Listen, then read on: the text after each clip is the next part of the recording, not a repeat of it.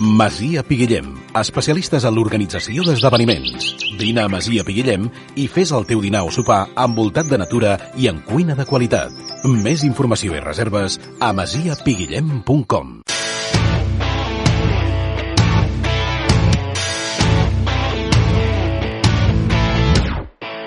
A Ràdio Lot fem el tercer temps. Amb David Planella. Què tal? Bona tarda. Tercera derrota consecutiva contra un rival directe. Vam deixar escapar l'Atlètic Saguntí, vam deixar escapar el Deportiu Aragón i ara hem deixat escapar l'Alzira. Pel que hem vist, i amb tots els respectes, bàsicament perquè nosaltres som pitjors, són tres dels rivals més fluixos de la Lliga i ja els tenim a dos o a més partits de diferència. De dissabte em preocupa la fragilitat defensiva, em preocupen els espais que vam deixar en defensa la primera meitat, especialment a l'esquerra, i em preocupa haver encaixat dos gols més com la setmana anterior, però també hi ha notes positives que indiquen que sí, que s'està construint un Olot diferent. Vam crear moltes més arribades, vam xutar una desena de vegades i vam tenir dos un contra un davant del porter. Ah, i resulta que tenim un migcampista i un extrem que no teníem fa tres setmanes. Semblava que no eren vàlids per jugar a segona federació i per mi van ser els dos jugadors més destacats del partit Alzira, Eric Vilanova i Saidú Ba. I Ernest Forgas, que per fi va marcar. És cert, era un gol fàcil, però hi havia de ser i l'havia de fer.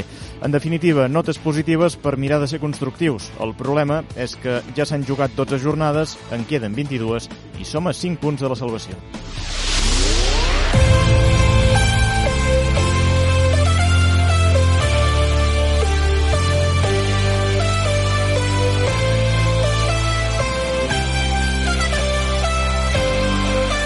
Tercer temps. El nostre partit del dilluns. Avui és dilluns 28 de novembre del 2022, l'endemà de l'Alzira 2, Olot 1, l'endemà d'una nova derrota, la tercera consecutiva, que ens manté al fons de la classificació.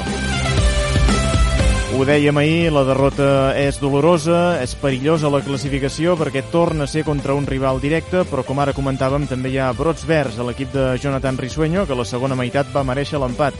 De seguida ho analitzem tot plegat a la tertúlia amb en Joel Sebastián, l'Eduard Llinàs i en Pau Masó, i amb en Pere Ribes, que com cada dilluns ens enviarà la seva nota de veu. Encara en futbol, qui sí que va aconseguir l'empat a fora de casa va ser el Bosa Tosca Primera Catalana, va empatar a l'última jugada del partit contra el Mataró, un rival directe, punt important. En parlarem amb l'entrenador, Jean Miquel Salavedra. En poliesportiu obrirem secció de l'hoquei Olot amb en Roger Isern perquè dissabte es va viure el partit amb més ambient de la temporada a la pista Josep Jou. No es va arribar al miler d'espectadors, però déu nhi uns 750 cap a 800 van empènyer l'hoquei Olot a igualar un 1-3 en contra. I avui tancarem el programa parlant de bàsquet, de bàsquet inclusiu, perquè ahir Olot va acollir una jornada de la Lliga Gironina per jugadors i jugadores amb diversitat intel·lectual. L'anfitrió va ser el Club Atletisme Garrotxa, que té un equip d'aquest esport des de l'any passat. Un dels seus entrenadors és l'Albert Ferrés, a qui trucarem. Tot això i alguna cosa més des d'ara al tercer temps, el nostre partit dels dilluns.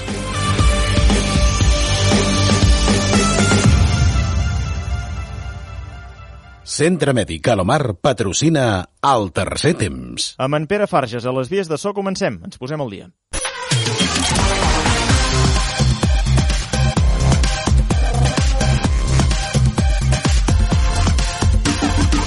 Som-hi, jornada 12, el grup tercer de segona federació, amb aquests marcadors, a banda de l'Alzira 2, Olot 1, atenció a aquesta golejada, Espanyol B 0, València Mestalla 6, Deportiu Aragón 1, Atlètic Saguntí 0, Hèrcules 0, Lleida Esportiu 4, atenció a l'Hèrcules, que arribarà a l'estadi municipal diumenge en una de les pitjors situacions de la seva història, Eivissa 1, Terrassa 1, Mallorca B 0, Manresa 2, Badalona Futur 3, Formentera 2, Prat 1, Penya Deportiva 3 i Terol 1, Ebre 0. L'Ebre continua sense guanyar després de 12 jornades, tanca la classificació amb 6 punts.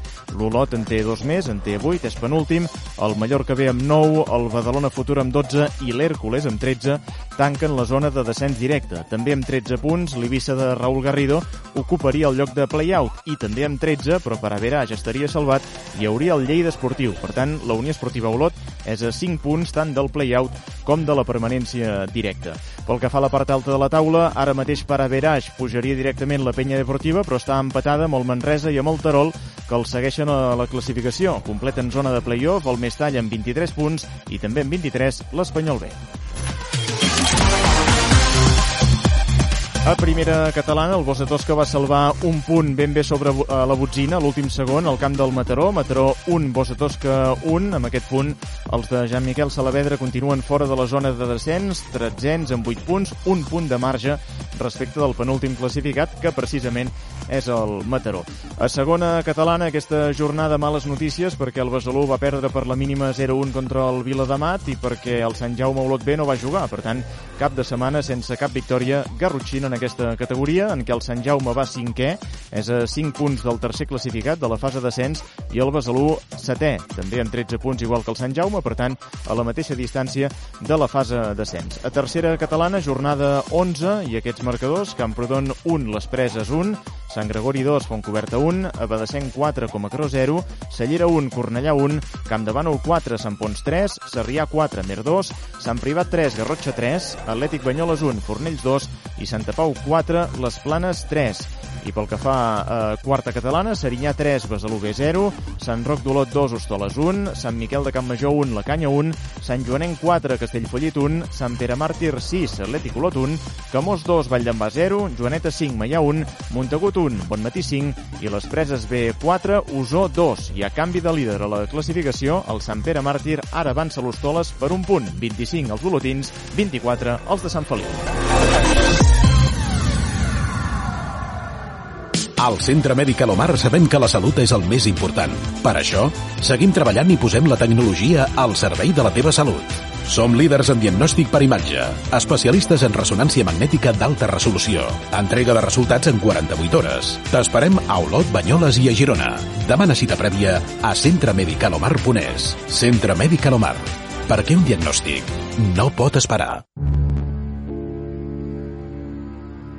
A Ràdio Olot fem el tercer temps, en David Planella. I compte que hi tornen, perdona, Iago, Arnau, gol. Gol de l'Alzira.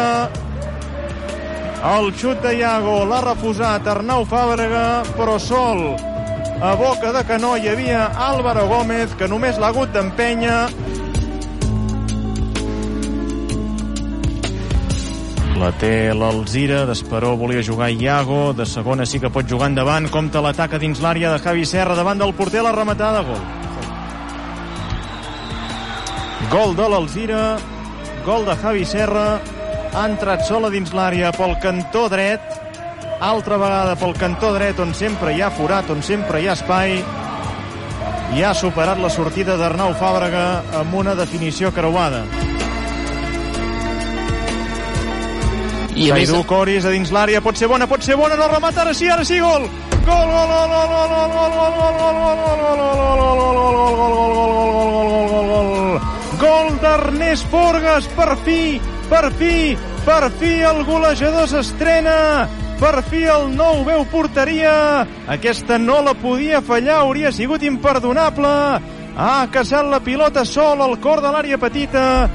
i allà el gol era el més fàcil per Ernest Forgas, que l'ha marcat per posar el 2 a 1 i per posar esperances en la Unió Esportiva Olot.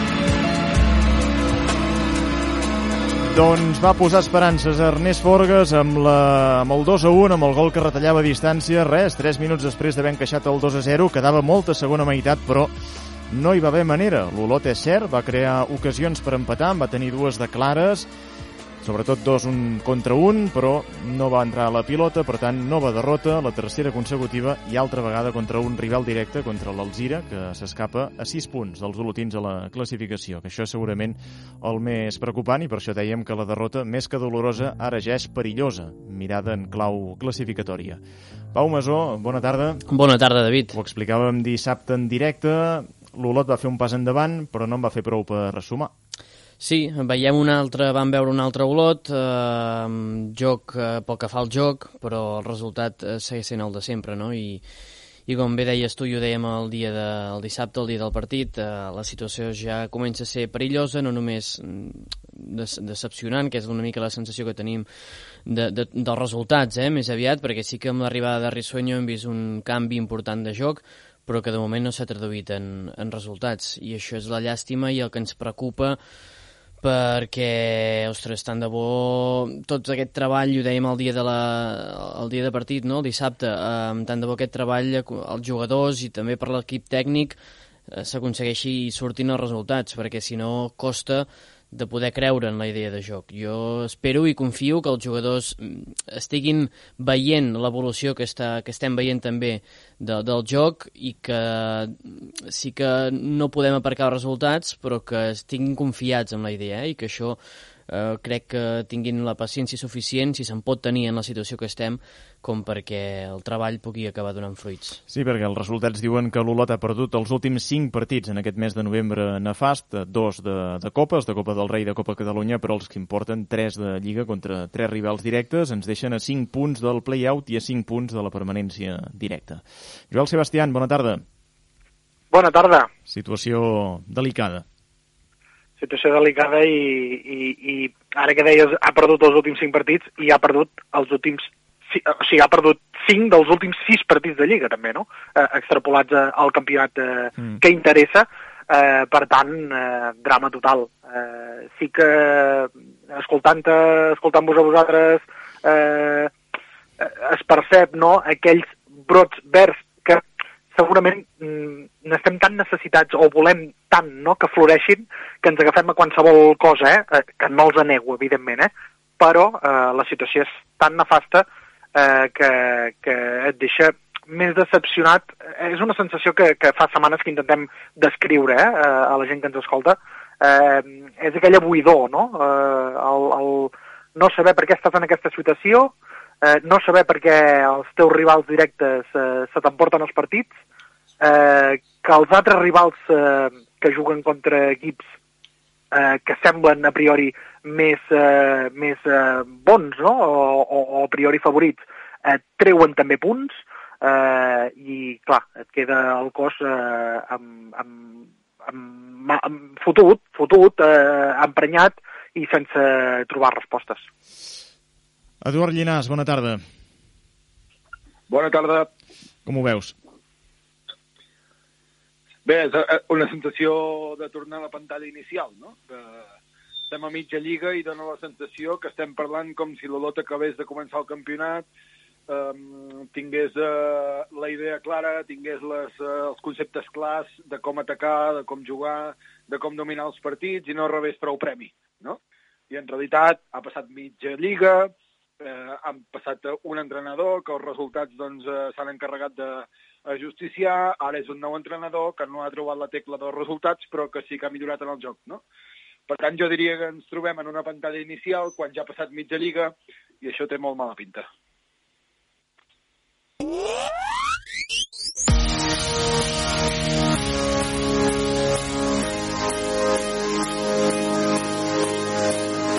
Fred Perry, Taner Hermètic i Can Carabasseres patrocinen la tertúlia de l'Olot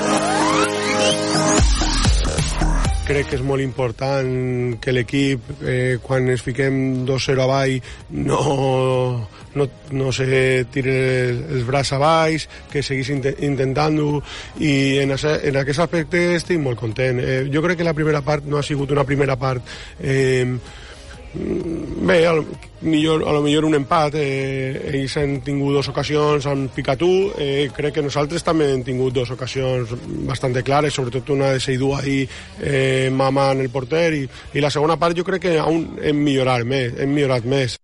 Risueño, analitzant el partit de dissabte, considerant injusta aquesta derrota, eh, hi estàs d'acord, Pau? Home, jo crec que injusta del tot no. Jo crec que a la, a la mitja part eh, l'Alzira va fer mèrits per anar al descans amb, amb avantatge, sobretot també pels desmèrits de l'Olot en defensa. Jo vaig tornar a veure a la primera part un, un Olot eh, inestable defensivament, deixant molts espais a, a l'Alzira que els va aprofitar molt bé, també tot s'ha de dir que en atac l'Alzira va jugar molt bé a la primera part.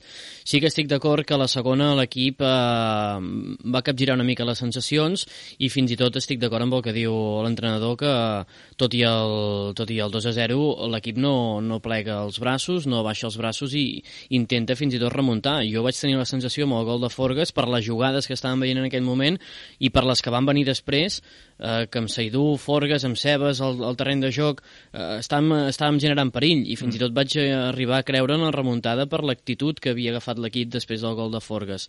Eh, però sí que és veritat que jo crec que eh, vam fer passos enrere novament a la primera part, eh, sobretot a la primera mitja hora de joc, eh, defensivament. Eh, no vam saber curar el que tam tam també vam patir el, el contra el Deportiu Aragón, era, sí, si no m'equivoco, fa 15 dies a l'estadi, no? Eh, jo crec que en aquesta passant l'equip no va fer mèrits per anar al descans amb, amb, amb avantatge, però estic d'acord amb l'entrenador que a la segona part, igual que també va passar contra el Deportiu Aragón, els canvis van aportar bastant a l'equip. Pot ser que els espais que van veure amb el Deportiu Aragón, que van veure amb l'Alzira, siguin fruit d'aquest canvi de concepte que els jugadors estan aplicant i que en totalment, el, en el totalment. procés, no? en el procés hi poden haver descuits com aquests i per tant hi ha forats que s'han de tapar oh. i que ara mateix estan descoberts. Ho vam veure, jo crec, per exemple, en el cas d'Eric Callís, eh, el, de, el dia del Deportiu Aragón, eh, una mica desubicat en la zona d'extrem, de, de, eh, segurament eh, aquest dissabte um, torna a la posició d'atac, però amb conceptes nous, hem vist un Eric més per dintre, uh, segurament un Aymar en el lateral que, que també se situa en una posició que fins ara amb l'Olota hi havia jugat poc, um, però estic, estic uh, i vull creure eh, que, que aquests desajustos defensius puguin aparèixer amb la incorporació de noves idees i espero que a mesura que aquests reajustos es vagin ajustant o els jugadors vagin agafant la idea de l'entrenador, tot això ha de, ha, de, ha de passar. Però mentrestant estem patint el que estem patint. No en dubtis, David, no en dubtis. Eh, I la setmana passada crec recordar que, que, que fins i tot ho comentava, eh, en la pell del jugador, eh, els dos perfils d'entrenadors que han tingut aquest any, eh, és per acabar boig per acabar boig. I, i, i la conseqüència de, de, de, de l'entrada de Risueño, eh, havent de jugar partits cada tres dies gairebé, perquè el, tot just ha tingut la setmana passada, no? Eh, sí. Una setmana neta, que, que se'n diu futbolísticament, per, per entrenar i, i, i aprofundir en conceptes, eh, és normal, és normal el que està passant, eh, però és que és una conseqüència de, de, de, dels canvis d'entrenador i de perfils d'aquests canvis que està patint la plantilla. Eh, jo, i, i no pas per defensar el futbolista de primeres, de bones a primeres, eh? eh però, però ho trobo normalíssim que parin bojos. Però és que abans ho comentaves a, a, a, a l'entradeta, David. Eh, hi, ha, hi ha jugadors que, que els consideraven un cono en els entrenaments i l'altre dia van jugar de titulars. Eh, eh, aquí el mateix futbolista, el mateix Eric Vilanova, el mateix Saidú, eh, eh, eh, s'han d'explicar i, i què vaig fer malament eh, els tres mesos anteriors, o, o, o és que mm, a mi em costa molt de, de concebre, o fins i tot per, per la competència que tenen. Eh, vam tornar a veure el Loí Xumetre eh, a la banqueta. Eh, què vol dir això? Han d'espavilar? Segurament. Eh, aquest nou entrenador mm, tampoc no ho veu clar, eh, que han de jugar segurament, però el que intueixo i el que percebo és que eh, la plantilla del lot eh, està per, per anar-se'n, eh, permeteu-me l'expressió, eh, al manicomi, però, però, però per, per, per, per parlar amb un psicòleg i, i, i perquè els expliquin realment què volen d'ells. Bueno, és que eh, a mi... aniria bé un mes de pretemporada, d'aturar-ho tot. Correcte, correcte, eh? de, correcte. De, de tornar, de que marxessin d'estatge a qualsevol lloc i, i tornar a començar, no? I entrenar totalment, amb aquest totalment. entrenador i fer grup, etc etc. no? Però clar, no tenim totalment. aquest mes. No tenim aquest temps, no, tenim, no, no ens acompanyarà, eh, perquè ara l'objectiu són tres partits abans de, abans de marxar a vacances de Nadal, eh, per sortir vius. I sortir vius vol dir no posar-te ja tres partits eh, de, de la salvació, mm. mantenir aquests 4-5, eh, sí, sí, sí. estaria contentíssim jo, eh, de mantenir aquests 4-5 punts de, de respecte a la salvació. Perquè, mira, tu, eh, aniries a, entraries al gener amb energia renovada eh, i, mira, eh, si es pot fer algun moviment al mercat d'hivern, cosa que dubto o serà complicada, doncs tu, eh, ens agafarem tots de les mans i, i, i lluitarem fins on faci falta però és que, clar, dubto ja que aquests tres partits rasquem alguna eh, i, i que marxem de Nadal amb depressió total. Eh, per tant, ostres, eh, avui estic eh, molt en depressió, psicòlegs, eh, i passar consulta, però és que realment pararem tots bojos. No crec, no crec que servís de res tampoc a, aquest mes que dieu de, de, de tornar a començar, de parada, de, de, de centrar-nos, de dir cap on volem anar, si no hi hagués un canvi de mentalitat, a, a, a, diguéssim, a gran escala de tot el club i tot el que envolta el primer equip. No? Des del que posa els entrenadors fins al que posa els jugadors titulars, fins al que deixa el porter a la banqueta, fins al que posa el secretari tècnic. És a dir, no serviria absolutament per res per a un mes i tenir un mes de Mundial, no?, que és per allà on anàveu, mm. tenir un mes d'aquests de, de, de Mundial per dir, vinga, tornem a començar, fem un estatge aquí, ens parem, eh, convivim, mm, assimilem conceptes, automatismes, etc. No serviria per res si això depèn de dos resultats o tres, no?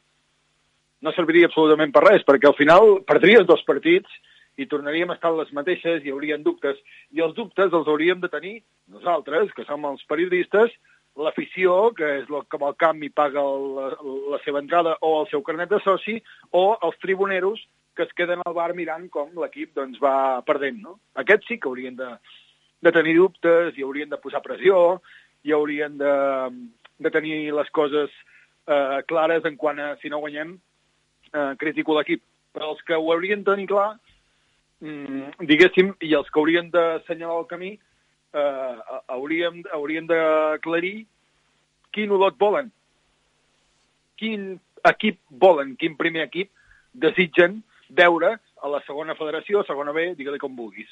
No?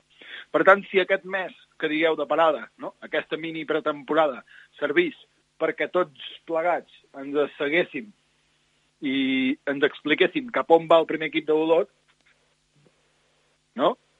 Si és que tot el que havíem dit en el passat servia, aquest Olot atrevit, eh, valent, que tingués la sang garrotxina, no? de jugar bé a casa, però de protegir-se bé a fora, d'anar pel rival, d'enganxar l'afició en els trams finals de partit, no? Aquesta vena garrotxina eh, la veiéssim clara, però bé, a, a, tan bon punt fitxem un entrenador de 30 anys, com ve un de 70, com ve un altre cop un de 40, i al final mmm, sí que veiem un Olot millor. És clar que veiem un Olot millor. Era molt difícil que no veiéssim un Olot millor, no?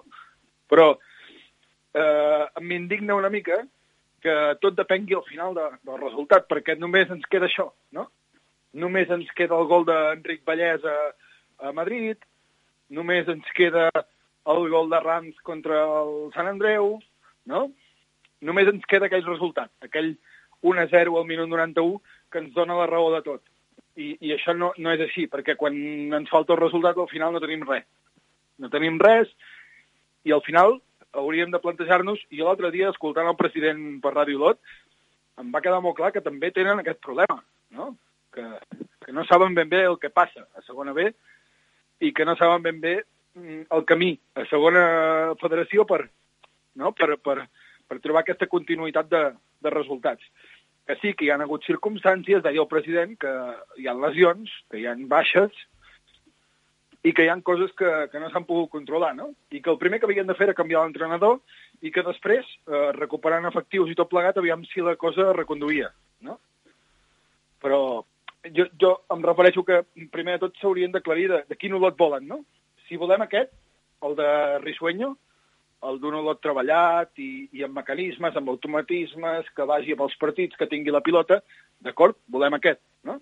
Però fins a final de temporada anem amb aquest olot, que no depengui de 3, 4, 5 resultats que puguin venir ara, que no ens enganyem, d'aquí a, a finals d'any, que estem ja a finals d'any, no? però d'aquí a que s'acabi el 2022 podem estar en peu i mig de tercera divisió. Podem ser-hi, i la gent ho ha de saber, i segurament, si han mirat la classificació, ho saben, no? Per tant, eh, la reflexió ha de ser de dalt cap a baix. No, has fet una... I el jugador està baix de tot. Una reflexió eh, profunda, mm, com que ara mateix l'olot que tenim és l'olot de Risueño i aquest és l'olot que ens ha de salvar, eh, centrem-nos en aquest olot, eh, que jo tinc la sensació que té moltes parts mossegades i que s'ha d'anar reconstruint, no? Una que deies ara és la, la, la part de les baixes, evidentment la plantilla està mossegada per tots cantons, les baixes de Blázquez, de Carles Mas de llarga durada, no sabem si repareixeran o no, la baixa de Castells que s'allarga i tampoc sabem quan tornarà, la baixa de Cerdà que era per poc i ara resulta que veurem si és la setmana que ve, eh, les sancions quan hi són, evidentment, un problema més, l'altre dia Vigues i Terme, no? És dir, la plantilla està mossegada, arriba al mercat d'hivern i ho dèiem l'altre dia amb el president, és que s'haurà de seure amb aquests jugadors i dir, què fem? perquè no podem dependre, i són jugadors importants, no només de, de fitxes econòmiques, sinó d'importància futbolística, no? Per tant, aquesta part s'haurà d'arreglar. Hi ha la part del joc. Jo crec que el mateix Risueño no acaba de tenir el 100% clar com ha de jugar el seu Olot, és a dir, en el seu ideal, no? evidentment que ell sap com vol que jugui el seu equip, però amb la plantilla que té no ho acaba de veure clar en el sentit que l'altre dia va intentar proposar amb el Deportiu Aragón i li va sortir malament. No? I en canvi el Zira, pel fet de ser fora de casa, pel fet de venir d'aquest mal resultat amb l'Aragón, el que fa és canviar. Ell ho diu, planteja un partit en bloc baix, intento sortir a la contra i una primera meitat molt diferent a la de la setmana passada. Per tant, el mateix tècnic està intentant, no?, amb aquestes peces que té, com les col·loco perquè em funcioni, més enllà del meu ideal futbolístic que és X, no?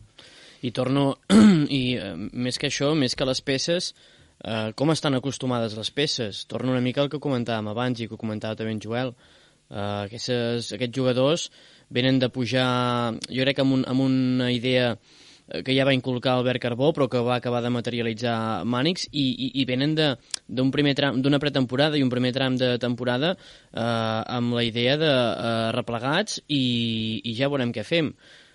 Eh, Rissuenyo és totalment al contrari, i aquesta transició de, de Mànix cap a Rissuenyo està passant factura. Eh, està passant factura a Rissuenyo, està passant factura als jugadors.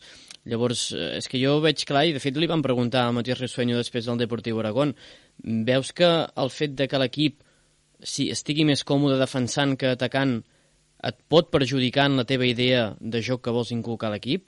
ell en aquell moment estava molt en calent, però ja s'ha demostrat que amb el plantejament que fa contra l'Alzira, d'alguna manera veu que el partit que proposa contra el Deportiu Aragón la plantilla no hi respon. Això, eh, amb una setmana vista, és molt difícil d'arreglar-ho. Per tant, segurament Rissuenya haurà de fer zigues-agues amb la seva idea de joc i, i esperar temps a poder-la inculcar i anar fent una mini pretemporada mentre comença la, la, mentre va seguint la competició, no? Tu ho has dit, és una transició. Sí, sí, sí, i, i, cal, i cal paciència, el problema és que no hi ha paciència, eh, perquè no, no hi ha, ha resultats, no hi ha temps. perquè no hi ha temps. Llavors, eh, potser sí que Risueño el que haurà de fer, i ja ho va fer potser dissabte, és, doncs, eh, mira, intento a partir del que els jugadors tenen en ment, a poc a poc, mm, començant des del darrere, sent sòlids en defensa, perquè això ja ho hem perdut, doncs anar introduint la meva idea. Mm, no és fàcil, eh, per Risueño, perquè veient el plantejament que havia proposat Mànix, ell és la, el dia i Mànix és la nit. Uh, però caldrà, caldrà temps, i ara mateix el problema és aquest, no, no hi ha temps. I crec que pocs se'n parlen de les baixes. Uh, les baixes uh, estan sent un problema molt greu, amb jugadors puntals a, a l'equip. Jo torno a dir que crec que Marc Castells ha de ser un jugador clau, però és que si ens fixem en els jugadors que han estat baixa, Cebes, Castells, Blázquez, eh, són jugadors que ja arrossegaven lesions, Blázquez i Mas... De Car la... Carles Mas, eh, eh, dos anys ha jugat més aviat poc, eh, Per també. això, per això. Ja es arros- arrossegaven no d'aquesta temporada, sinó de la passada. Castells Uh -huh. venia d'una lesió important, um, sense ritme de competició. Uh, per tant, d'alguna manera, les baixes sí que han arribat, però les podies arribar a preveure.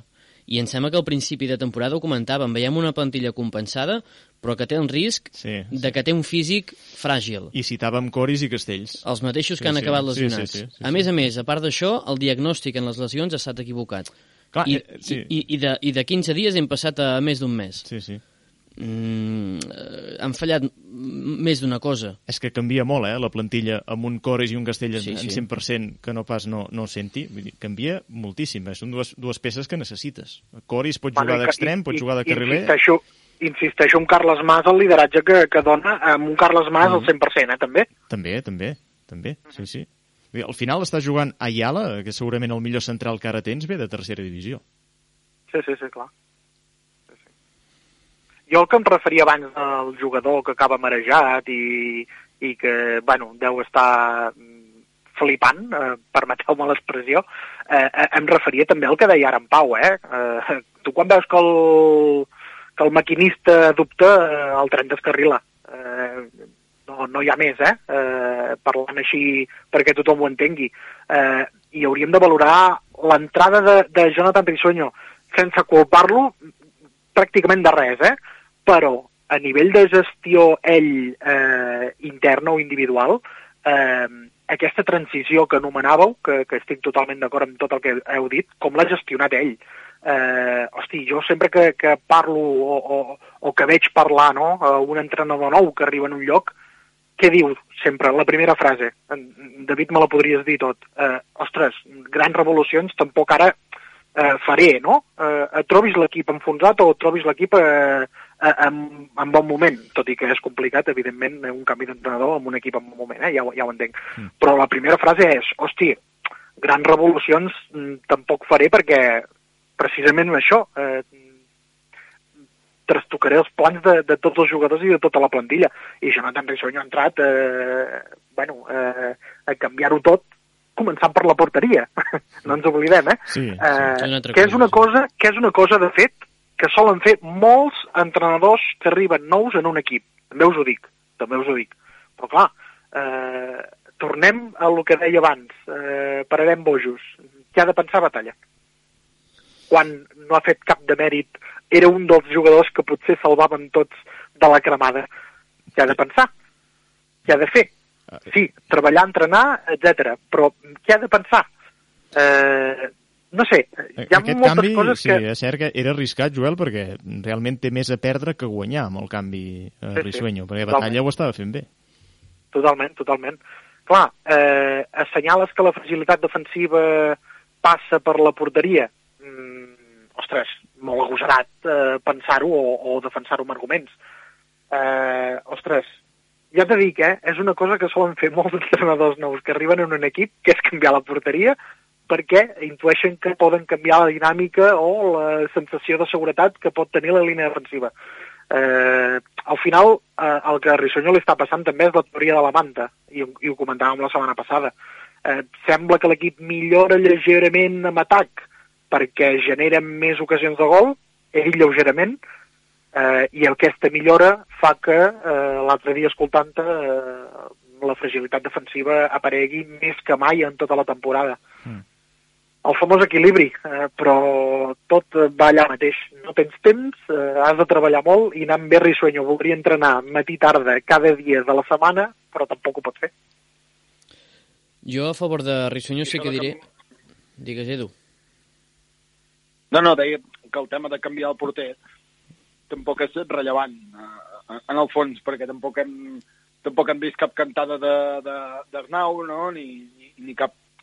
Més, més aviat hem, hem vist alguna reacció d'aquesta encoberta, no?, de, de batalla a les xarxes, diguem-li com vulgueu, però, però bàsicament al final sí que és una cosa que molts equips fan, però si no funciona tampoc és, tampoc és rellevant. És a dir, al final la, la plantilla està molt marmada i és el que dèiem per, per les lesions, per les baixes, per les sancions i perquè físicament, totalment d'acord amb vosaltres, doncs eh, és una plantilla que, que, que ha estat debilitada des del principi. Um, el tema del porter um, a mi també em sorprèn. Um, a més, Arnau Fàbrega jo crec que no va fer un gran partit uh, dissabte, sinó més aviat va generar algun dubte.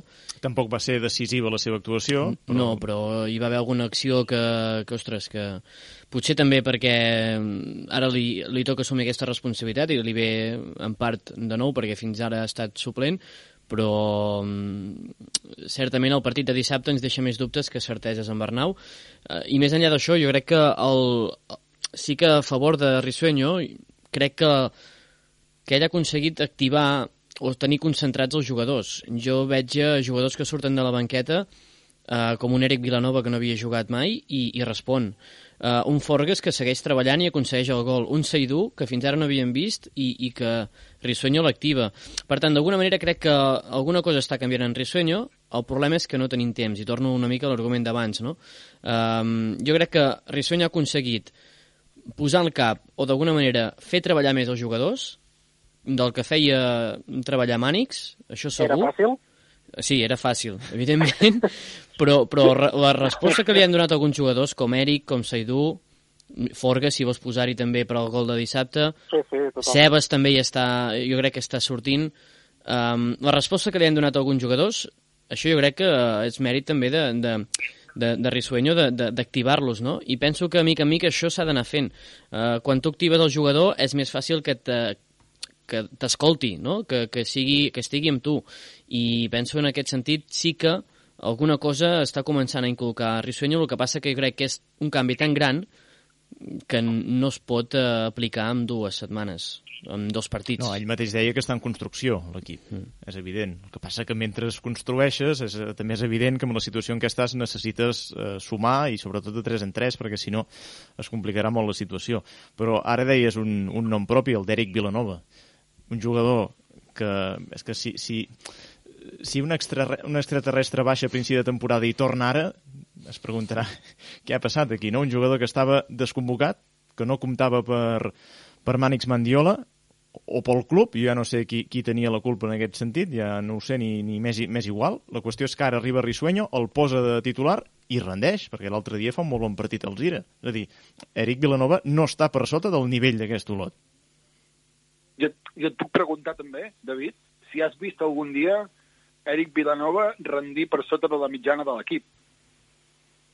Des que el coneixem a la Unió Esportiva Olot, no he vist mai un partit de l'Eric per dir aquest noi no té nivell per complir, si més no, de suplent, de, de refresc o de titular en alguns partits eh, per jugar a l'Unió Esportiva Olot.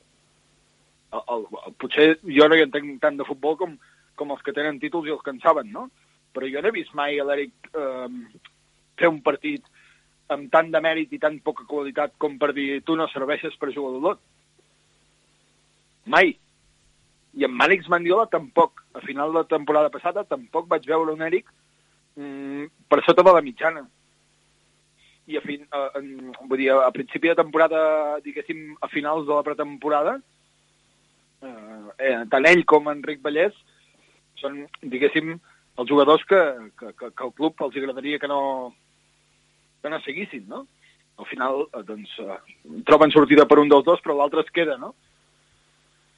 no ho sé, no, no he vist mai uh, un nivell tan de meritori com per dir mm, no, compte, no comptem amb tu, no?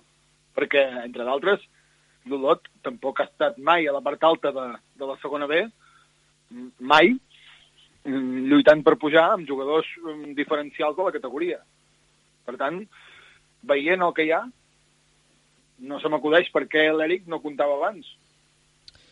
Decisió de club mm, tinc, bueno, almenys pel que coneixem també, i crec que... Ah, es buscava un altre perfil. La, no? la qüestió va, va, ser més, va ser més de club que no de banqueta, per tant... Eh... Però un perfil, quin perfil? Més, més car? No, no, no, no, un perfil més defensiu, entenc jo. És a dir, que, que fa falta, eh? que continua fent falta. És a dir, una cosa és que Eric eh, sigui vàlid, d'acord, i, i, i ha demostrat hi ha, hi ha que, perfils, es pot, que es pot quedar. Hi ha perfils que estan a Badalona, Però... David. Hi ha perfils que estan a Badalona. I que no els van voler aquí. Sí, sí. Uh, Roger Bernils, un jugador que volia venir aquí i no el van voler. Uh, bueno, això ja és una altra història, cadascú que, que es pregunti per què no, no es va acceptar que tornés, no? Però, en tot cas, es buscava un perfil més defensiu i Eric no, no entrava en els plans mantenint Eric, continua faltant un perfil defensiu perquè no pots dependre de Castells. I si ara està bé, ara està lesionat, ara està bé, ara està lesionat. No pot seguir així. Falta una peça al mig del camp que mossegui. Ara no la tens. I estàs perjudicant a Ot que l'estàs convertint en un jugador més defensiu que ofensiu, quan a tercera el, qui t'aportava i construïa també era Ot. Sí que és veritat que ha destacat per la, per la seva tasca defensiva, però ara mateix Ot ha quedat anul·lat ofensivament. No estem veient un jugador crea, com, com creava en la seva primera temporada a l'Olot a tercera. Ot va destacar, precisament, eh, destacava per fer-ho tot menys el gol i li, i li, i li reclamaven que, i reclamàvem que, que intentés disparar, no? perquè arribava a l'àrea i sempre, i, i sempre s'amagava de, de disparar, fins i tot va aconseguir un primer gol i ell mateix ho deia, no? que ho havia aconseguit tot menys el gol.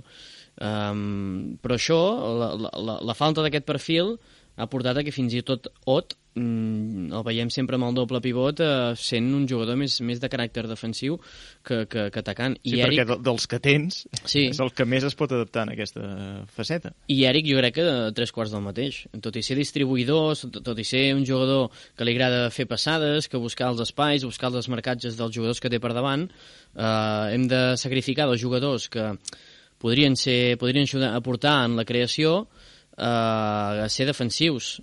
Ot, sens dubte, ho, fa, ho ha demostrat que, que ho pot fer bé, però Eric potser també eh, li estem demanant una cosa que potser no ben bé eh, seria seva. I per part d'Eric ens hem de treure el barret, perquè que un jugador eh, estigui tants partits gairebé sense que prou feines en, entrenava, no?, com qui diu, i que surti i doni aquest rendiment amb el primer partit, diu molt també d'ell.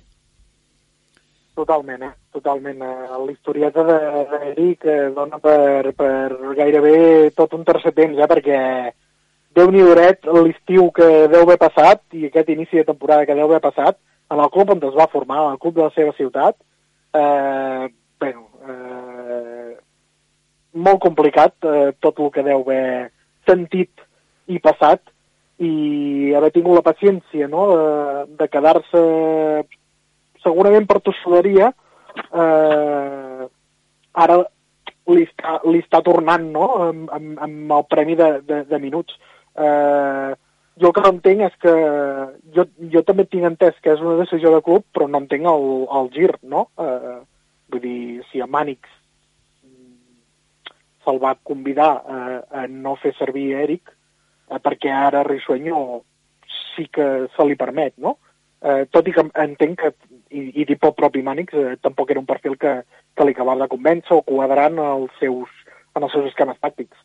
El que no m'explico és aquest gir, eh, que sí, eh, Namber Rissueño deu haver dit jo compto amb aquest jugador i el necessito, Clar, no, però... No, Rissueño deu haver dit que no, no, anem, no, no anem sobrats, no? Vull dir que... És que, és que a més això, a més això, a més això, exacte. Sí, sí. Bé, i l'altre cas, ja en vam parlar la setmana passada, el de, el de Saidu Ba, eh, que una setmana més ha tornat a demostrar que està a un, a un bon nivell per ser titular i per ser el millor. L'altre dia, altra vegada MVP. Deies, eh, Edu. No, que uh, li agafava el fil en Joel, de, vull dir, l'Eric ho ha hagut de passar malament aquest inici de curs. És a dir, és un jugador que no oblidem que el va, el va buscar el club uh, dues vegades quan, quan baixes de categoria. I, i ara, diguéssim, jo, jo m'esperava molt perquè perquè era la seva edat més madura, diguéssim, per, per, per afrontar un projecte que tampoc eh, és, és eh, a segona B, tal com la coneixíem, no? amb, amb una mica més de nivell, i veia que era una categoria idònia per ell. I crec que si Risueño compta amb ell, mm, en podem veure una bona versió de l'Eric, no? Mm, no ho sé. I, i el tema Seidú, mm, bé, vaig veure contra, contra el Llevant, un equip de segona divisió, mm, diguéssim que és un jugador que encara que és valent i que vol demostrar. I amb la baixa de Cerdà, diguéssim, crec que un perfil com aquest eh, haurà de servir. I, I com tu dius, David, no, la, la plantilla no va sobrada d'efectiu. De, i qui va marcar el seu primer gol, és una bona notícia, Ernest Forgas, primer gol a la Lliga d'aquesta temporada, un Forgas que deia això sobretot pensant en el futur, en clau allò que dèiem, abans d'arribar a Nadal vol fer el 9 de 9 i que l'Olot sigui fort a casa queden tres partits abans de Nadal, dos d'allò a casa, el que hem de fer a casa guanyar, treure els sis punts, després anar a Ibiza, si no me'n recordo, i, i guanyar, i fer 9 de 9 possible, aquest equip està fet per això, preparat per això, si no, pues, no pleguem. I jo crec que aquest equip el que està és, com, com t'he dit, treballant molt bé, és una sensació avui que ets millor que ell a la segona part, i jo crec que la primera part també, quan millor estàvem nosaltres, hem tingut un par d'ocasions ens, ens ha fet gol, però ja saps, però et dic a casa, per fi ja ens hem de fer forts, ja d'una santa vegada, i també a la gent, que, que vingui, a més contra l'Hèrcules el pròxim parell de casa. Més clar l'aigua, aquest equip està fet per això, per sumar el 9 de 9, i ens hem de fer forts a casa d'una santa vegada, ara contra l'Hèrcules. Atenció, l'Hèrcules. Ahir, ahir, ahir, tornant cap a casa, escoltava la transmissió dels companys d'Alacant. De, bueno, no us podeu imaginar les rajades, les crítiques... Nosaltres, nosaltres estem bé, no? Nosaltres estem, vaja, és que som, a més a més, eh, vaja, som tots... Eh, vaja, ningú critica... Ning... Allà som uns sants. Som un... Però és que no us ho podeu ni imaginar, eh? Fins al punt que expulsen Trullols i el comentari és Este tío no puede jugar nunca más al Hércules.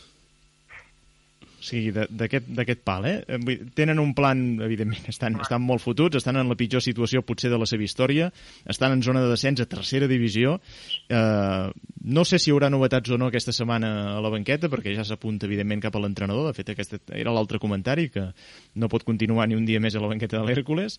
Eh, vaja, estan molt malament, per tant, si no rasquem amb l'Hèrcules, amb aquest Hèrcules, eh, no sé quan ho farem. No siguem nosaltres eh, els salvavides, no?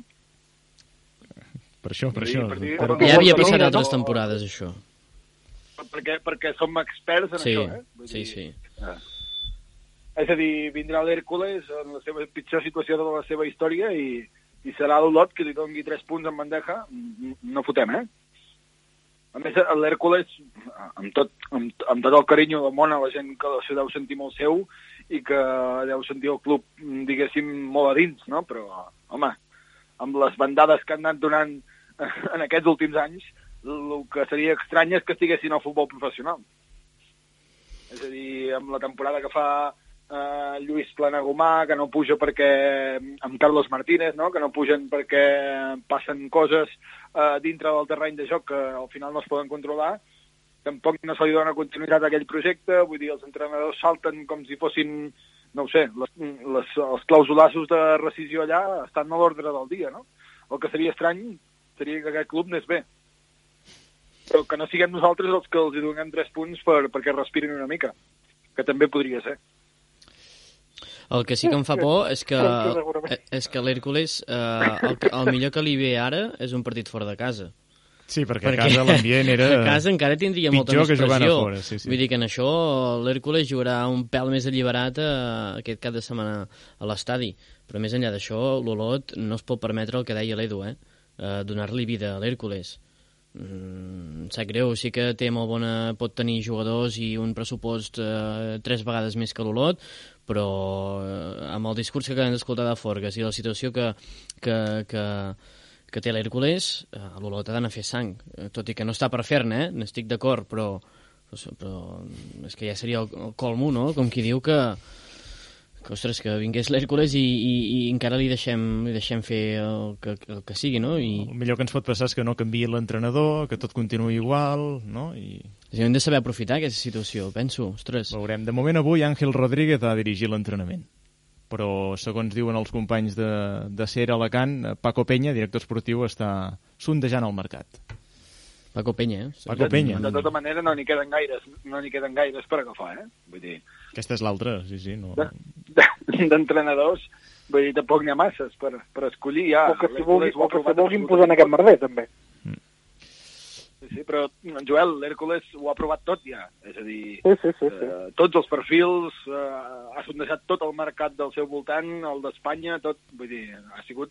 Al final, cosa- al final, Edu, és molt més puta la gestió de, o el moment de l'Hèrcules quan has tastat la primera divisió del futbol professional al llarg de la teva història, no?, que, eh, i permeteu-me, eh, que l'Olot, no?, que és un club humil, que no ha estat més enllà de segona B, i que al final eh, acabes baixant a tercera i, i és el segon esglaó més elevat no, que has estat mai. Vull dir, la gestió, el, el marrón, el té l'Hèrcules, eh, sens dubte.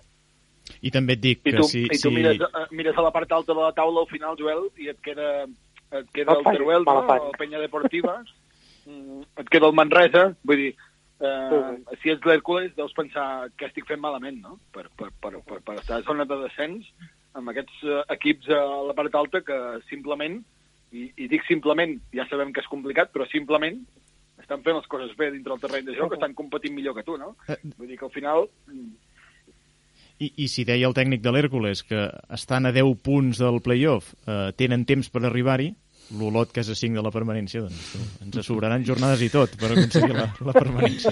Tornem a replantejar objectius. Que vagin pensant en el playoff que, ells. que, que se I... centrin, David, que se centrin en salvar la categoria, Sí, que no sí. seria la primera vegada, Sí, sí, sí. que estan mirant el play-off i al final Sí. estan matemàticament Sí, sí. descendits. I, En això i nosaltres ja n'hem la après, no? vegada.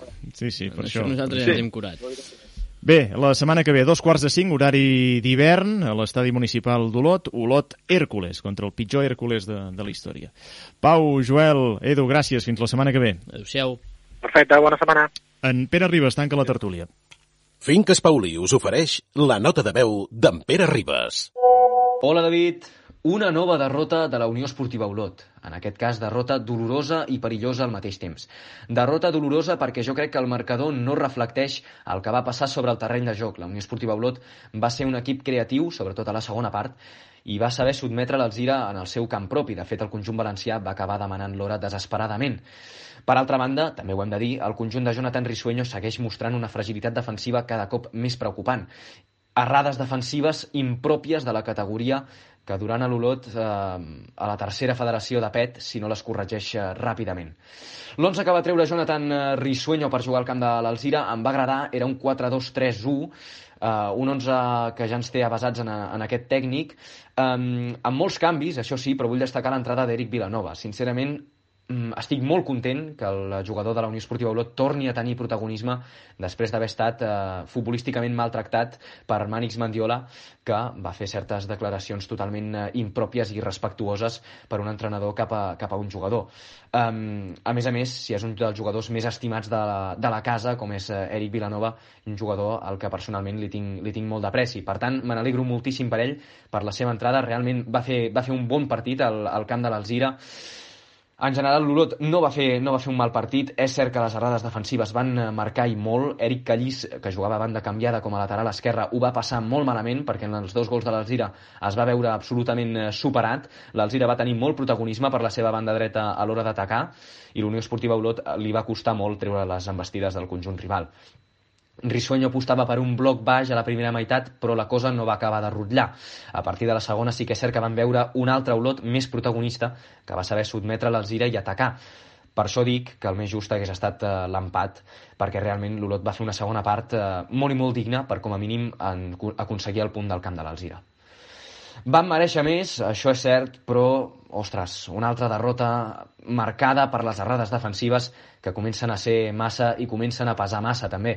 L'Olot es queda amb 8 punts de 24 possibles, un balanç realment molt i molt eh, pobre, penúltim a la taula classificatòria i estaria bé començar a treure'ns les ferides de sobre per caminar i aconseguir ara ja sí la permanència. De totes totes, la permanència s'ha d'aconseguir i s'ha de fer a partir del diumenge vinent, a partir de jugar contra, contra l'Hèrcules a casa, un equip que també ho està passant eh, molt i molt malament.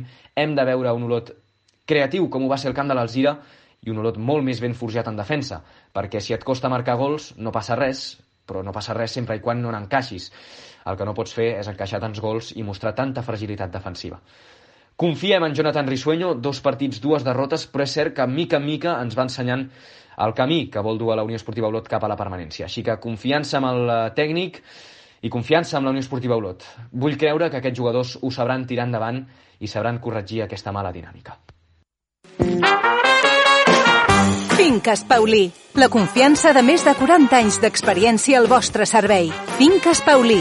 El millor assessorament en la compra, venda o lloguer de locals, habitatges, naus, terrenys, l'equip de professionals que garantiran solucions a les vostres necessitats. Finques Paulí. A Olot, al passeig d'en Blai 31, al 972 26 54 00 i a finquespaulí.com. Finques Paulí, la immobiliària de tota la vida. Estic fent el canvi d'armari. He de renovar molta roba. Què faig? T'espero a la porta de Fred Perry aquesta tarda. En qualsevol situació, Fred Perry. Descobreix la nova col·lecció Home i Dona a preus increïbles. Fred Perry, a l'Avinguda Reis Catòlics d'Olot cada tarda. I els dissabtes, de 10 a 2. Sempre hi ha un Fred Perry per tu. Domanen, domanen, domanen, domanen. Carbasseres, Domanen, domanen, domanen, domanen, domanen, domanen, domanen, de coques. A Can Carbasseres d'Olot. Coques ensucrades. Al carrer Sant Rafel, número 5. Coques de llardons. I tortells de matafaluga. Carbasseres. Taner Hermètic. Portes hermètiques per a indústries, hospitals, laboratoris, sales blanques i acústiques. Taner Hermètic. Des del 1921, construïm portes per a tot el món. Sempre al costat de la Unió Esportiva Olot i la seva afició. Taner Hermètic. Doors for Life.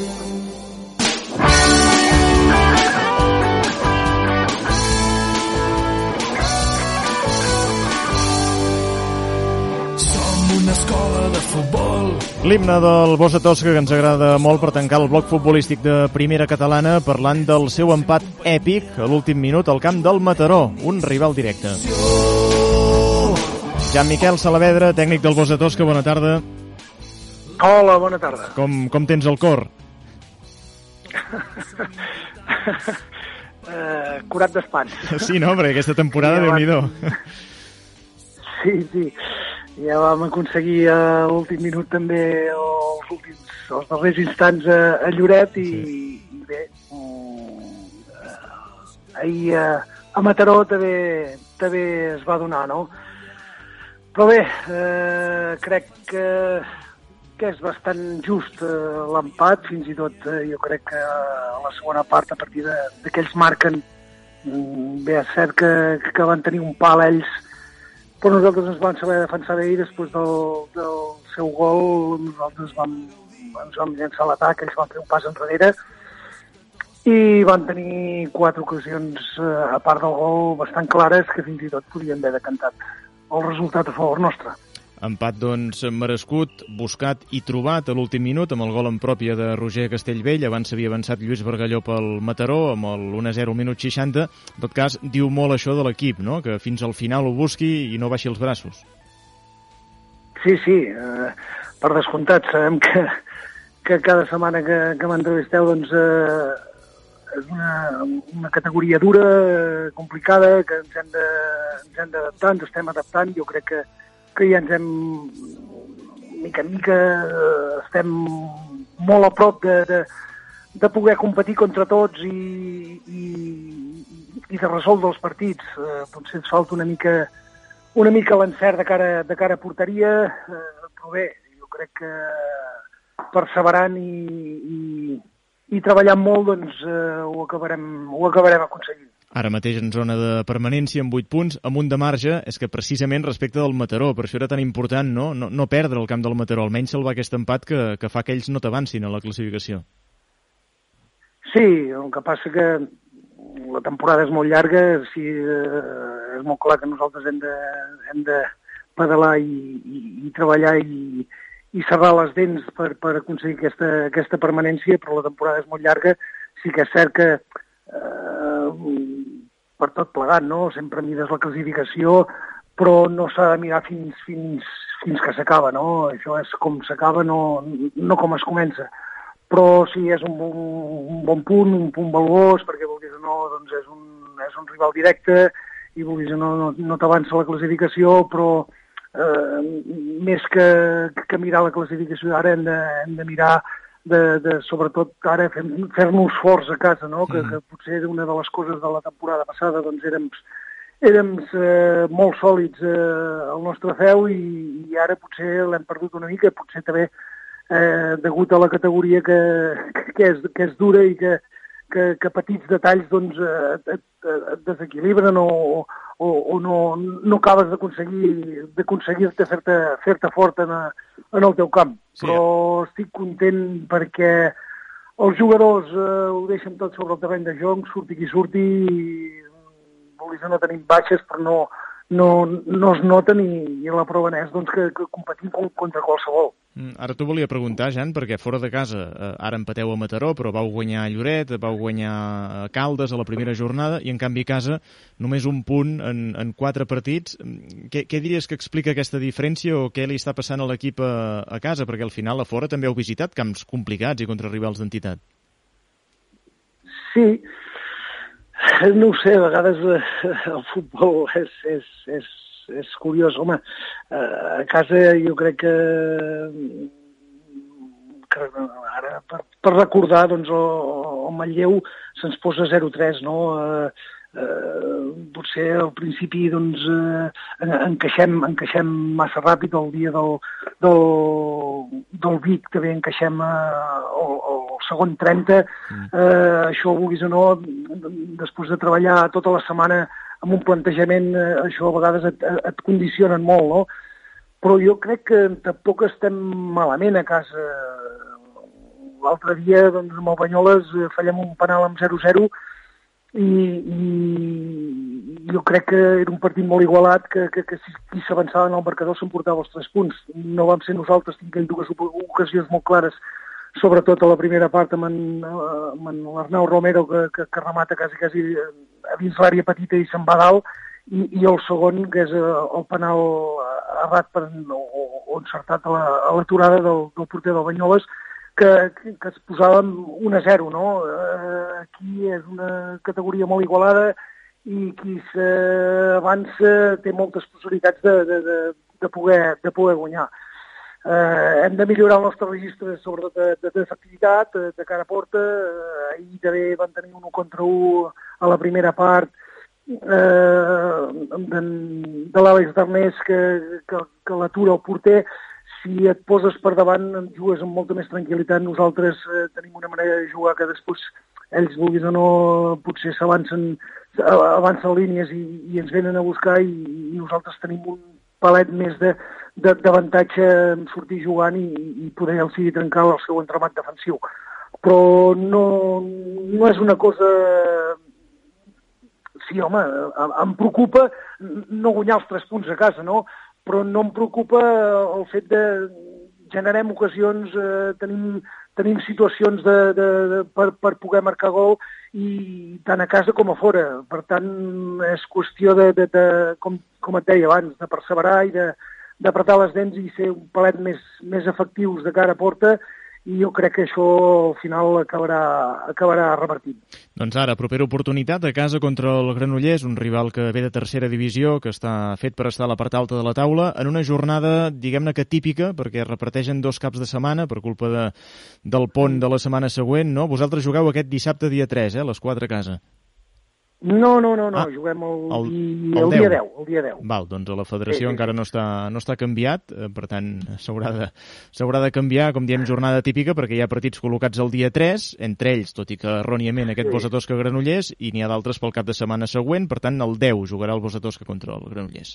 Sí, sí, sí, eh, tal com estava establert el calendari inicial. Sí, el Granollers, un altre, un altre equip eh, d'entitat, però bé, sempre dic que molts més jugadors que, que nosaltres acceptem aquí per mèrits propis i que, que ens hem d'enfrontar a tothom i que tenim les nostres opcions en, en cada encontre, ens enfrontem en qui, contra qui ens enfrontem.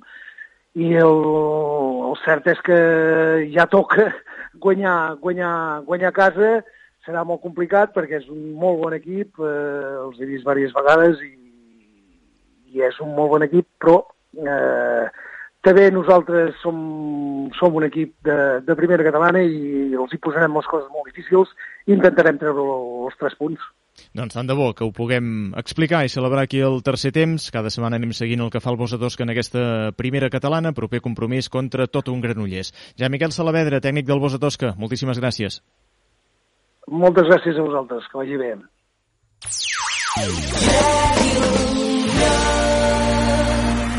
Ja has provat el Click.cat de la Garrotxa? El Click.cat és un transport públic a demanda que permet moure't com si ho fessis amb el teu cotxe particular. Amb parada als 7 nuclis de la Vall d'en Bas, les preses Bertallat, en Ridaura i Olot, incloent l'estació i l'hospital. Baixa't l'app Nemi al teu smartphone, registra't amb les teves dades i comença a viatjar. 6 viatges d'anada i 6 de tornada repartits entre les 7 del matí i les 9 del vespre. 30 parades que faciliten l'accés al transport públic de forma digital i flexible. Més info a teixa-bus.com o al telèfon 972 26 0196. Teissa, som elèctrics, som futur.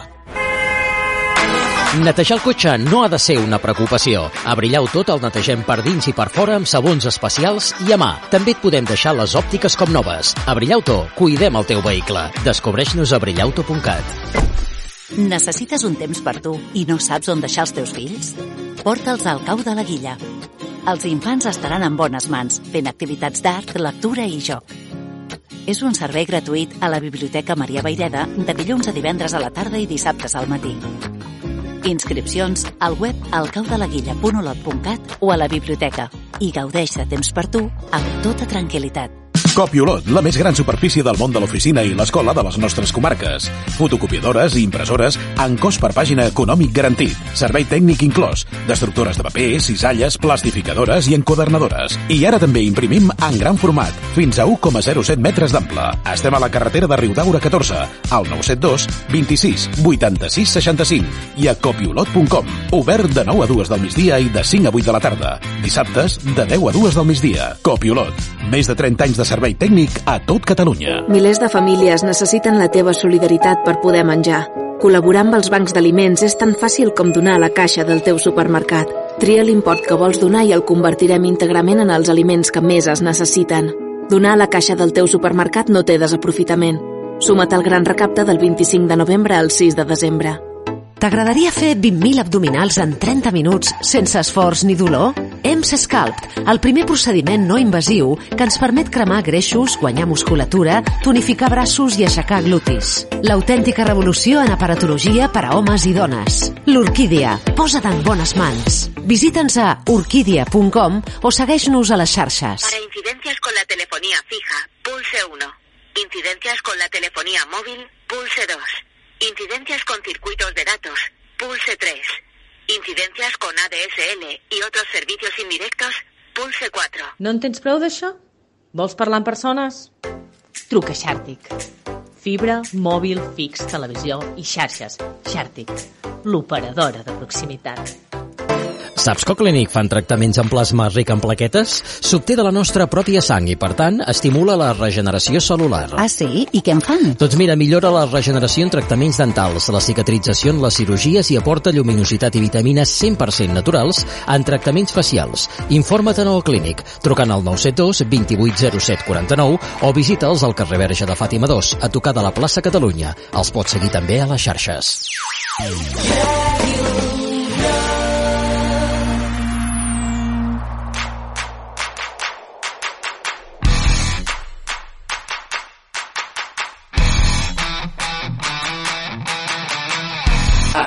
fem el tercer temps.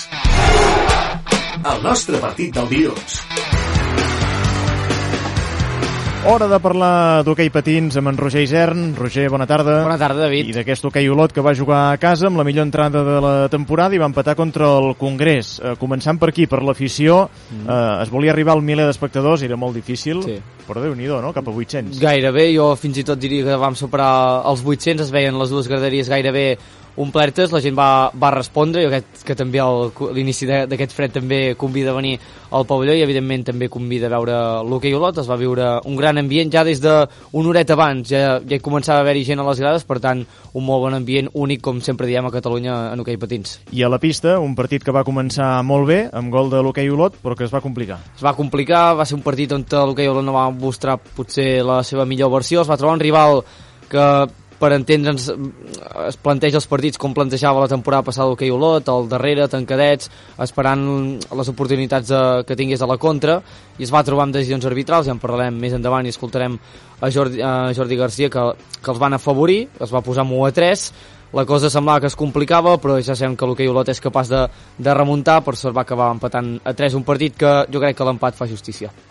Um, ara ho deies, els àrbitres, no? Mm. Uh, una falta i un penal que no eren? Sí, una falta directa que jo, ara escoltarem a Jordi Garcia, que haurem d'estudiar ens el reglament, perquè els àrbitres van xular una acció que era una bola alta dins l'àrea, això normalment és, és falta uh, a la creueta de l'àrea, és a dir, una, una, una falta típica, no? com és o, o un bullying, com pot ser disputa, etc.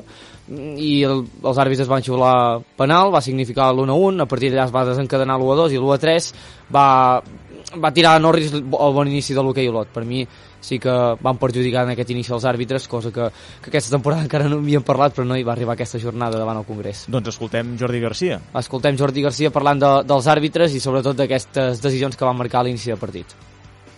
Tal com ha anat el partit crec que és un punt positiu, perquè al final eh, um, és el que dèiem, eh? o sigui, es posen amb un, amb un 1-3, que se'l troben, crec, i al final, al final costa molt, perquè és un equip que, que defensa molt bé, que està molt tancat, que intenta fer els mínims errors. Nosaltres hem tingut, a més a més, eh, quan empatem a 3, eh, tenim opcions per acabar guanyant el partit i crec que forces el penal de l'Aniol eh, baixa una bola de tota la vida, si baixa una bola de dalt, eh, crec que no és penal, crec que, que és falta a la creueta. Ens ho mirarem, eh, que potser no, potser m'equivoco. I després, eh, molt rigorós també el, el segon penal. Crec que la directa sí que han encertat, perquè eh, se li enganxa l'estic, encara que sigui sense voler. Doncs la valoració que dèiem, eh, de Jordi Garcia, del partit i de l'actuació arbitral. Sí, ja, no és cap excusa, eh? però sí que si no s'assenyala aquest penal i no es transforma, mm, evidentment no, potser el, el guió de partit canvia. Evidentment, si el penal no, no la nota marca ho veig al jugador del Congrés, també canvia, eh? no dic pas que no, però sí que són dues accions, hi ha també un altre penal que em sembla molt rigorós. La directa sí que per mi ho és, la cometa Arnau Vidal se li enganxa l'estic amb, el, amb el patí del, del rival, per si que és, és justa, però va ser un inici molt, molt escalfat i això la grada es va notar de, de seguida. En tot cas es va arreglar 3 a 3, mm. hi havia temps eh, de marcar el quart, mm. no, no va poder ser. No va ser, a partir del 3 a 3 d'Arnau Vidal no va ser un partit eh, molt, molt atractiu per l'espectador i en moltes ocasions. Sí que és cert que l'hoquei la té una directa, David Carlos la té, va ser un, també un inici de segona meitat accidentat, Marc Prat va rebre un cop, Guillem Roure també va rebre un parell de cops, el partit es va anar aturant, moltes faltes, temps morts, va ser una segona part molt apàtica per part dels dos. Sí que qualsevol podia haver guanyat el partit, però jo crec que l'empat fa justícia per les ocasions que es van veure. I manté l'hoquei Olot per davant del Congrés. A la classificació, setem 7 punts, el Congrés vuitè amb 5, ara mateix la zona de descens està amb 3, o sigui, el Vendrell amb 3 punts, per tant 4 punts de marge amb el descens, més d'un partit. Sí, és la notícia positiva, l'hoquei Olot està, podríem dir, a la zona que li pertoca, que és uh, mitja taula, i eh, sobretot ho parlàvem al final del partit a, a, a la retransmissió, no? que ara venen rivals, ara ho repassarem, setmana vinent Cerdanyola, eh, després ve lo, eh, ens visitem eh, ens visita millor dit l'Oviedo i visitem Dominicos per tancar l'any, per tant són rivals directes i per tancar l'any jo crec que d'aquests 9 puntets que queda l'hoquei Olot mínim està obligat a sumar-ne si posem en xifres 6, sobretot eh, el partit a casa i intentar rascar alguna cosa fora. Doncs a veure si la victòria arriba a Cerdanyola, eh? Cerdanyola, mm. hoquei Olot, dos quarts de nou d'aquest dissabte. Una pista d'un recent eh, ascendit a la categoria com el Congrés, una pista molt complicada, petita, eh, amb un rival que està a la part baixa però que acaba de pujar, és un hoquei Olot de la temporada passada i serà com tots els partits molt complicat perquè l'hoquei Olot pugui sumar a 3, esperem que, que pugui sumar una victòria fora de casa. Ens a competir amb Estagar Sorra a la pista del Cerdanyola que té 3 puntets a la classificació i que és eh, un rival per baix en zona de gairebé de descens, empatat amb el Vendrell i amb l'Oviedo. Roger, t'escoltem dissabte, gràcies. Ens escoltem dissabte, adeu.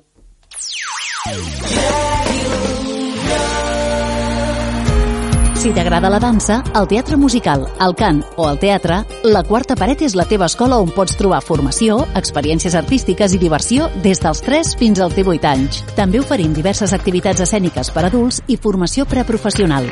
Desperta l'artista que portes dins a La Quarta Paret. Curós Espiguler, corredoria d'assegurances. Més de 50 anys al seu servei. Garantint la seva tranquil·litat i la de tota la família. Donant tranquil·litat a les empreses de la província des de l'any 1965. Oferint les millors i més àmplies cobertures del mercat. Defensant els seus interessos davant les companyies d'assegurances. Ens trobarà al carrer Molleres 11 d'Olot i a curosespiguler.cat. Florenci Cos, aigua, clima i gas. Volem que estiguis bé a casa tot l'any. Som especialistes en descalcificadors, sistemes d'osmosi i en la nova tecnologia de mineralització d'aigua. Instal·lem equips de climatització domèstica amb la millor eficiència i rendiment. Portem el gas fins a la teva caldera. També treballem per hoteleria i restauració. Florenci Cos, aigua, clima i gas. Per fer-te la vida més còmoda. Necessites recanvis pel cotxe? Pneumàtics? Comparar preus? Ara al polígon industrial Pla de Politger al sector sud de Sant Jaume del Llierca tens la solució. Desballestaments La Garrotxa. Tramitem baixes de vehicles a la DGT amb certificat de destrucció. Oferim recanvis i pneumàtics d'ocasió. Ah, també obrim els dissabtes. Vols més informació? Truca al telèfon 972 28 78 36 per estalviar desballestaments La Garrotxa. A Mima Gallery no només tenim mobles, tenim moments. Un sofà. Gaudir d'una tarda de cinema amb la família. Un llit. Un matí de diumenge sense despertador. La decoració de casa teva. La teva personalitat. Mima Gallery. Aquesta tardor t'oferim moments. Vine a descobrir-los. Mima Gallery, a la carretera de la Canya 84 d'Olot i a mimagallery.com.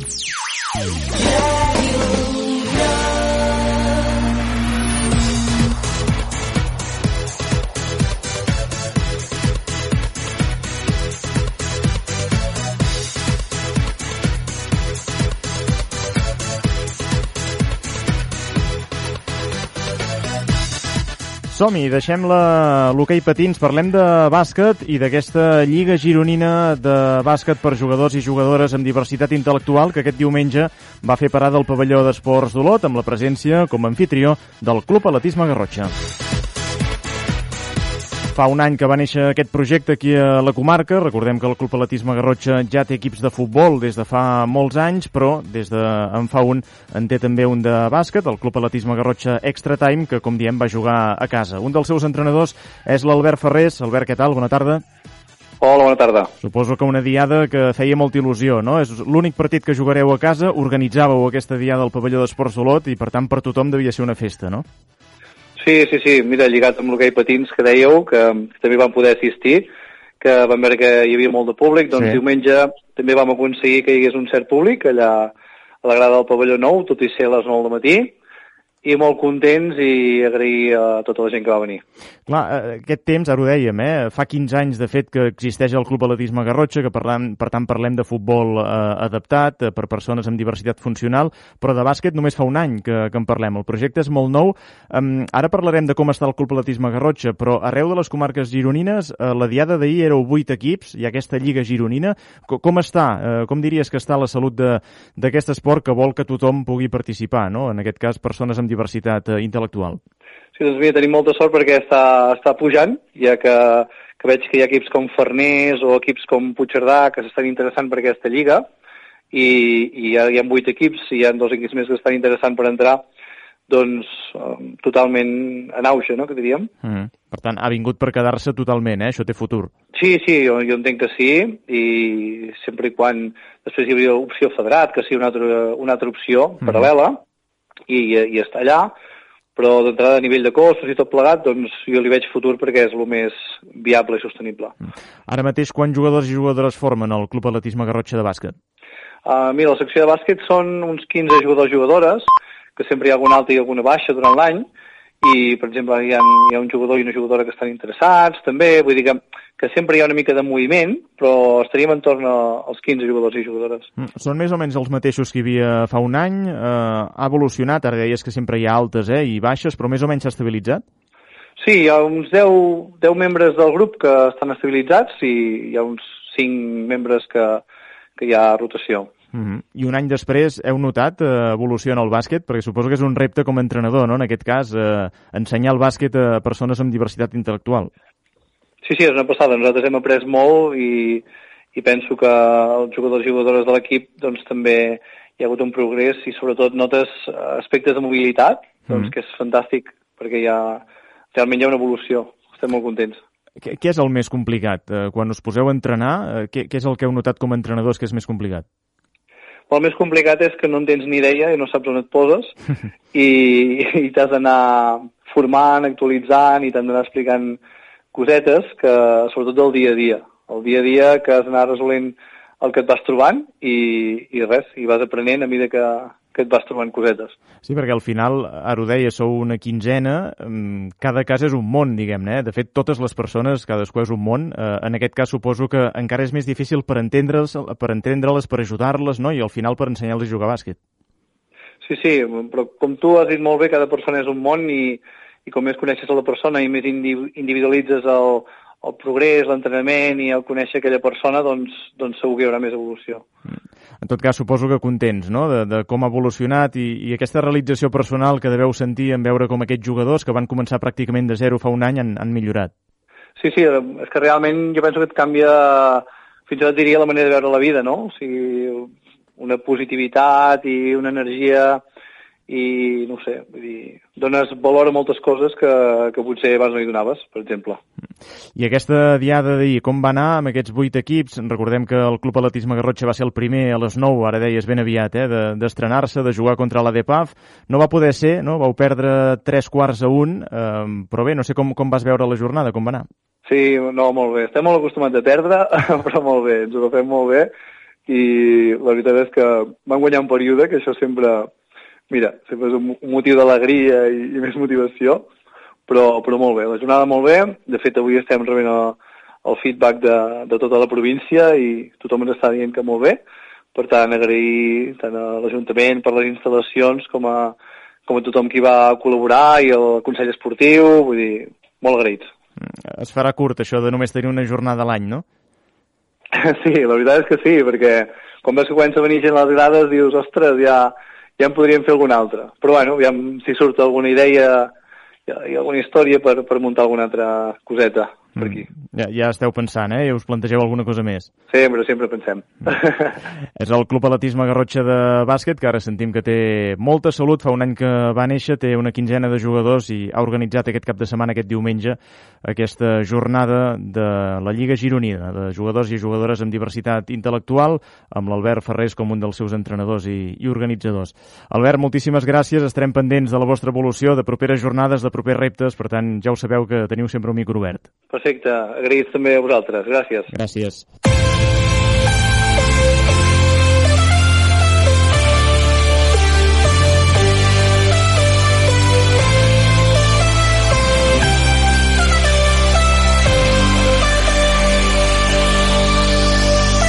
No deixem la pilota taronja, no deixem de parlar de bàsquet, perquè aquest cap de setmana hi havia un partit molt interessant a segona catalana masculina entre el Club Bàsquet La Vall d'en Bas i el Tordera. S'enfrontaven el primer i el segon classificats. Al final la victòria va ser ajustadíssima pel conjunt visitant. La Vall d'en Bas 67, Tordera 69. És la primera derrota que pateix el Club Bàsquet La Vall d'en que la classificació té un balanç de 7 victòries i una derrota, pel balanç de 7 i 2 que té el Tordera. Per tant, virtualment la Vall d'en Bas amb un partit més perdó, amb un partit menys jugat, és líder d'aquesta categoria. Sí que va guanyar l'equip femení de la Vall d'en Bas a segona femenina, 47 a 55 contra el Banyoles, i ara mateix lidera la taula juntament amb el Tona i l'Argentona amb un balanç de 7 victòries i dues derrotes. És cert que per sota hi ha el Fontejau amb un partit menys i un balanç de 7 i 1, per tant, seria líder el conjunt gironí de manera virtual. A tercera categoria masculina, derrota de la Pia Olot 68 a 61. A la pista del quart, derrota també de la Vall d'en Bas B 70 a 54 a la pista de l'Arbúcies. En un cap de setmana dolent pel bàsquet garrotxí masculí, perquè en l'altre grup, el Club Bàsquet Olot, també va caure 76 a 74 contra el Sal i el Sant Joanenc també 66 a 58 a la pista del Sant Hilari. Però és que si mirem el grup 2 de la tercera catalana femenina, també hi trobem derrotes. La Pia Olot va perdre 48 a 57 contra el Sant Julià de Ramis, la Vall d'en Bas 48 a 58 contra el Camp de Bànol i el Garrotxa Sant Joanenc 29 a 63 contra el Cellera Mer les Planes.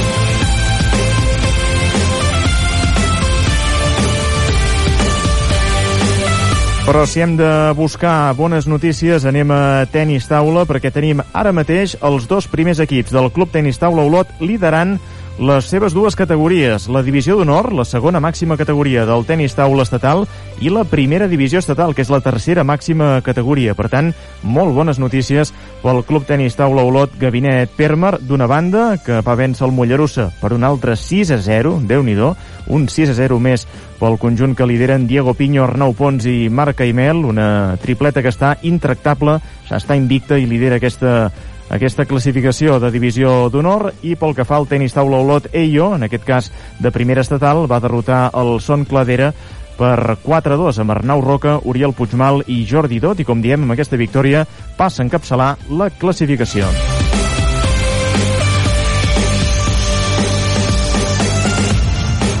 Destaquem també els resultats de la Volcano Limits Bike, la cursa de BTT que tornava a les planes d'Hostoles amb l'organització aquesta vegada del Nan Oliveres Team, amb victòria pel que fa a la cursa marató de 45 quilòmetres de Toni Olivares en la categoria masculina i Dona Castellseguer a la categoria femenina. Pel que fa a la cursa de 25 quilòmetres, el campió va ser David Endurell, pel que fa a homes, pel que fa a dones va ser Núria Muntanya.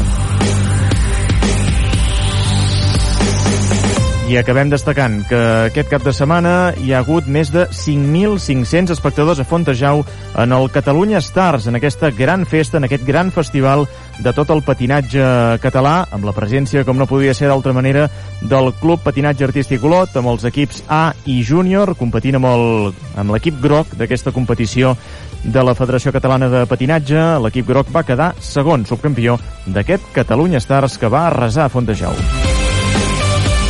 Per cert, dissabte que ve al vespre, recepció de les subcampiones del món, campiones d'Europa, campiones d'Espanya, de Catalunya i de Girona, aquesta temporada, les campiones del Club Patinatge Artístic Olot a l'Ajuntament d'Olot. Fins aquí el tercer temps, que vagi molt bé. Adéu-siau.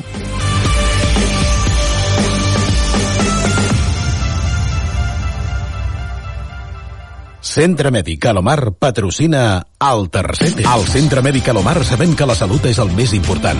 Per això, seguim treballant i posem la tecnologia al servei de la teva salut. Som líders en diagnòstic per imatge, especialistes en ressonància magnètica d'alta resolució, entrega de resultats en 48 hores. T'esperem a Olot, Banyoles i a Girona. Demana cita prèvia a centremedicalomar.es. Centre Mèdic Alomar. Perquè un diagnòstic no pot esperar.